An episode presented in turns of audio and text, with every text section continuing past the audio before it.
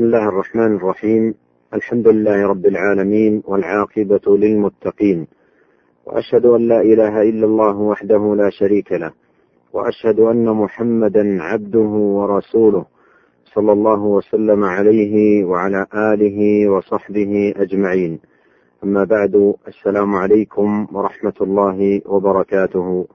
معاشر المستمعين ومن أسماء الله الحسنى الكريم والأكرم.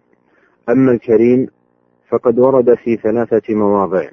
قال الله تعالى ومن شكر فإنما يشكر لنفسه ومن كفر فإن ربي غني كريم. وقال تعالى يا أيها الإنسان ما غرك بربك الكريم. وقال تعالى فتعالى الله الملك الحق لا إله إلا هو رب العرش الكريم. على قراءة من قرأ برفع الكريم على أنه صفة للرب عز وجل. وأما الأكرم فقد ورد في موضع واحد وهو قول الله تعالى اقرأ وربك الأكرم. والكريم أيها الإخوة المستمعون هو البهي الكثير الخير العظيم النفع وهو من كل شيء أحسنه وأفضله. والله سبحانه وتعالى وصف نفسه بالكرم كما في الآيات المتقدمة. ووصف كلامه جل وعلا بالكرم كما في قوله تعالى إنه لقرآن كريم. أي كثير الخير غزير العلم فكل خير وعلم إنما يستفاد من القرآن. ووصف تبارك وتعالى عرشه بذلك كما في قوله تعالى فتعالى الله الملك الحق لا إله إلا هو رب العرش الكريم. على قراءة من قرأ بالكسر على أنه صفة للعرش أي حسن المنظر بهي الشكل. ووصف تبارك وتعالى بذلك ثوابه العظيم ونعيمه المقيم الذي أعده لعباده المؤمنين. قال الله تعالى لهم درجات عند ربهم ومغفرة ورزق كريم. وقال تعالى إن تجتنبوا كبائر ما تنهون عنه نكفر عنكم سيئاتكم وندخلكم مدخلا كريما. والمدخل الكريم هو الطيب الحسن السالم من الآفات والعاهات ومن الهموم والأحزان ومن المنغصات والمكدرات.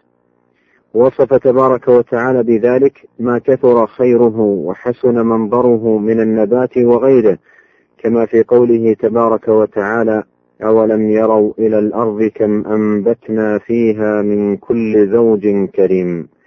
معاشر المستمعين ولفظ الكرم لفظ جامع للمحاسن والمحامد لا يراد به مجرد العطاء بل العطاء من تمام معناه.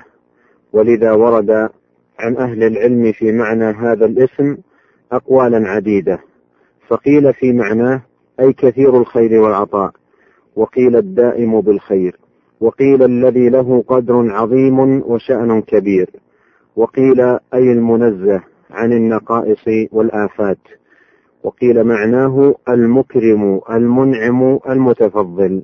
وقيل الذي يعطي لا لعوض وقيل الذي يعطي لغير سبب وقيل الذي يعطي من يحتاج ومن لا يحتاج وقيل الذي إذا وعد وفى وقيل الذي ترفع إليه كل حاجة صغيرة أو كبيرة وقيل الذي لا يضيع من توسل إليه ولا يترك من التجأ إليه وقيل في معناه الذي يتجاوز عن الذنوب ويعفو عن السيئات. إلى غير ذلك مما قيل في معنى هذا الاسم العظيم. وكل ذلك حق لأن هذا الاسم من الأسماء الحسنى الدالة على معان عديدة لا على معنى مفرد. وإذا اعتبرت جميع ما قيل في معنى هذا الاسم علمت أن الذي وجب لله تعالى من ذلك لا يحصى من جلائل المعاني وكرائم الأوصاف. فإذا قلنا الكريم هو الكثير الخير والعطاء فمن أكثر خيرا من الله لعموم قدرته وسعة عطائه بل الخير كله في يديه. وإذا قلنا إنه الدائم الخير فذلك بالحقيقة لله وحده فإن كل شيء ينقطع إلا الله وإحسانه. فإنه دائم متصل في الدنيا والآخرة. وإذا قلنا إن الكريم هو الذي له قدر عظيم وشأن كبير فالله جل وعلا لا يقدر قدره ولا يدرك العباد كنه صفاته وكمال نعوته. وإذا قلنا إن الكريم هو المنزه عن النقائص والآفات فهو الله وحده بالحقيقة القدوس السلام. الذي لا يلحق النقص شيئا من صفاته المنزه عن النقائص والعيوب. وإذا قلنا إن الكريم معناه المكرم المنعم المتفضل.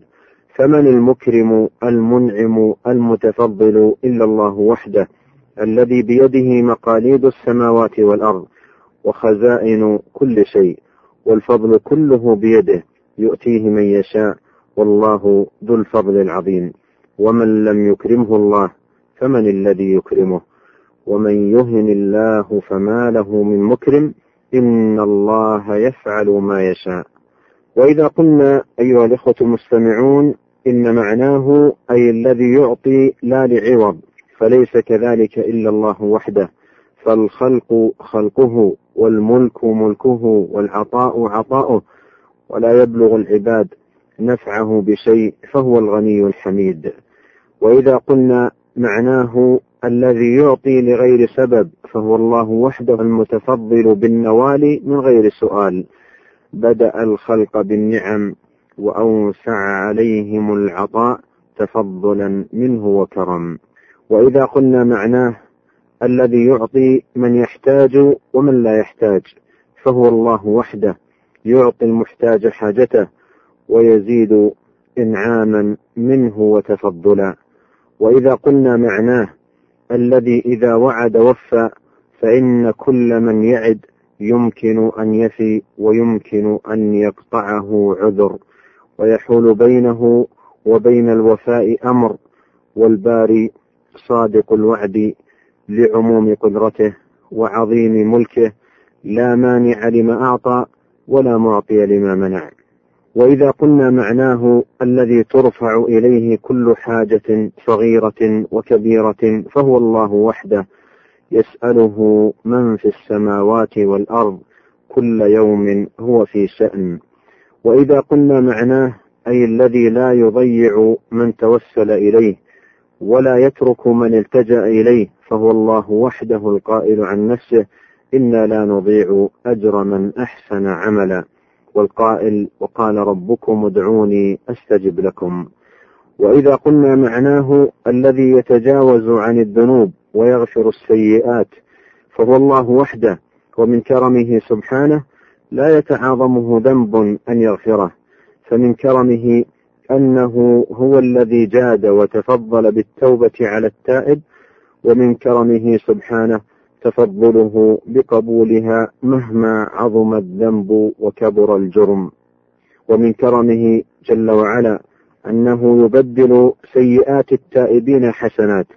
ومن كرمه سبحانه أنه يفرح بتوبة التائبين وإنابة المنيبين. ومن كرمه سبحانه أنه يستحي من عبده إذا مد يديه إليه سائلا متذللا أن يردهما صفرا خائبتين وأعظم أسباب نيل كرامة الله الكريم سبحانه تقواه جل وعلا في السر والعلن فالأكرم عنده سبحانه الأتقى له من عباده. كما قال الله تعالى إن أكرمكم عند الله أتقاكم. جعلنا الله من عباده المتقين ومن أوليائه المكرمين. إنه تبارك وتعالى سميع مجيب وبهذا تنتهي هذه الحلقة وإلى لقاء آخر والسلام عليكم ورحمة الله وبركاته.